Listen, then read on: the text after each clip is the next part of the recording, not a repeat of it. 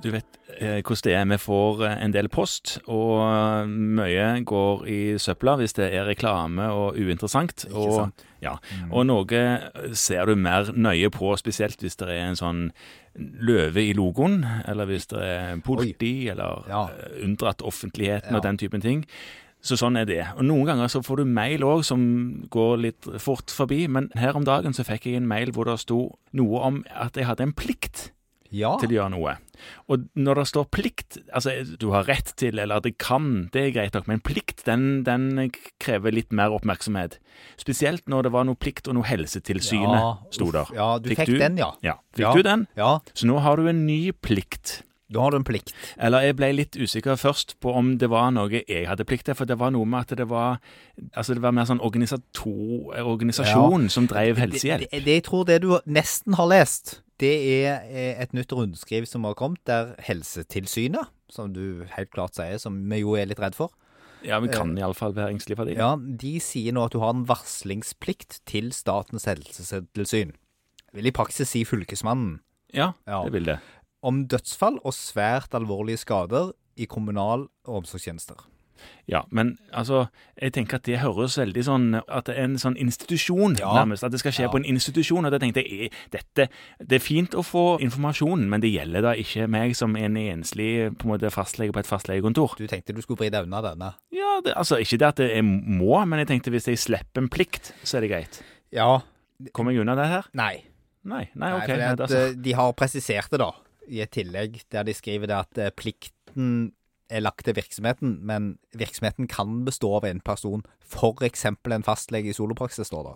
Ja, men da blir det vrient å komme seg unna den. Ja. Ja. Ja. Men Så- hva er det dette, dette- går i, egentlig? Eh, Nei, altså, det, det er jo ikke helt bortkasta. Altså, plikten ligger i at hvis det har vært et dødsfall, eller en svært alvorlig skade etter det de kaller for en hendelse, og en hendelse er i, i denne sammenhengen ofte da definert som et eller annet litt uforutsett.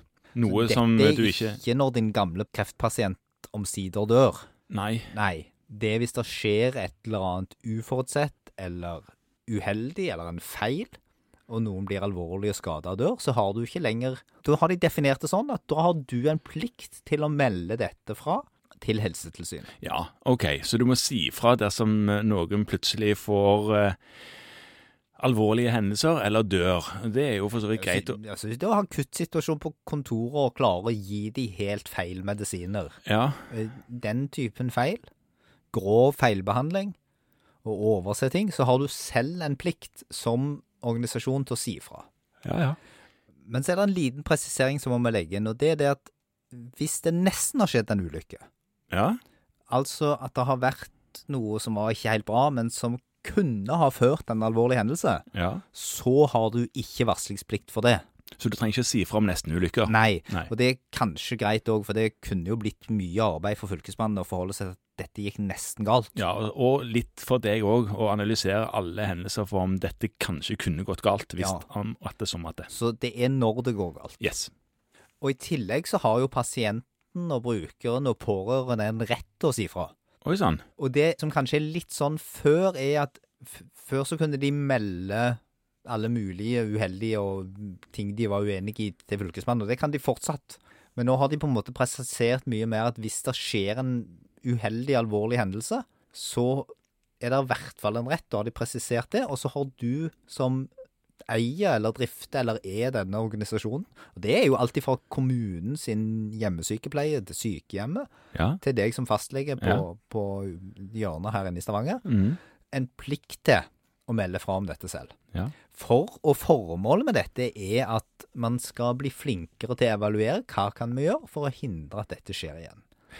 Ja, det, det, det, det er en fin intensjon, det, men jeg er litt engstelig for eh, denne her retten som blir presisert på at eh, alle kan, melde, altså alle kan jo melde hva som helst til fylkesmannen. Ja. Og, og fylkesmannen, ved mindre det er en helt åpenbar holdt på å si, feilmelding, så, så, så plikter jo de å kaste litt lys over hva det er som rent faktisk har skjedd. Ja. Sånn at det, blir det noe altså Jeg var jo bare engstelig for at det skulle bli noe mer meldinger. Ja, at det skulle bli voldsomt mye meldinger. Ja. Ja, Nå er det et par ting som jeg tenker på. Det ene er at jeg er ikke sikker på at denne typen rundskriv i snitt leses av Ola Nordmann. Nei, han leses jo nesten så vidt av meg. Ja, sånn at, at dette blir en sånn syndeflod med meldinger nå, det, det stiller jeg meg nok litt tvilende til. Det andre er at dette er ikke nødvendigvis ting som ikke før ville ha blitt meldt. For, for i mange av disse tilfellene så vil pasientene oppfatte at det har skjedd en feil. Og i mange av de tilfellene så ville det ha blitt meldt. Mm. I de tilfellene som kanskje nå blir tydeligere, så er det kanskje de tilfellene der man har sett at det har vært en feil, og at denne har vært alvorlig. Og så har det ikke blitt gjort noe med det. Fordi Nei. ingen har klaget. Nei, altså business as usual, og as usual var ikke så bra. Nei. Mhm. Sånn sett så kan det være en slags sånn sikkerhetsventil for å luke ut uheldige hendelser som før bare ble feid litt under teppet. Mm. Nå skal jeg si at jeg har ikke finlest hele forskriften i detalj, men det er litt uklart hva som skjer hvis man har en plikt til å melde og ikke oppfyller plikten. Ja, men det er og- vel i så fall et pliktbrudd, vil jeg tenke. Ja, og så er det jo òg hvem, hvem avgjør hva som er en alvorlig nok hendelse til at dette skal meldes. Ja, og det er nok som alle ting at det må nok prøves etter hvert, men det er klart at det bør ha skjedd noe, eller at potensialet for at det har skjedd noe har vært veldig stort. Ja. Igjen så er jo dette noe som vi har snakket om flere ganger før her. Ehm, engstelsen ved det å bli kikka i kortene hele veien.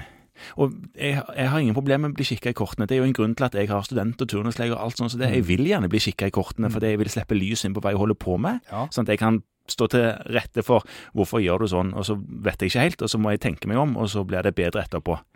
Men det at på en måte offentligheten skal kreve innsyn i hva jeg holder på med hele veien, det, det er òg for så vidt greit, men jeg er litt redd for at det kan eh, bli vanskelig for yngre kollegaer å stå i det når de føler seg alene. Ja. Og det, det er klart. Men det som da står i dette rundskrivet, er at hvis du er i tvil om dette er noe som skal meldes, denne Ja. hendelsen, Mm. så kan du kontakte din lokale fylkesmann og spørre. Ja. Er dette noe som skal meldes, eller er det noe som ikke skal meldes? Fordi at hvis det ikke skal meldes, så vil du få beskjed om det, så er saken glemt. Og hvis det er en liten feil du har gjort, så er jo vårt råd at en snakker om dette med gode kollegaer, f.eks. i veiledningsgrupper. Uansett.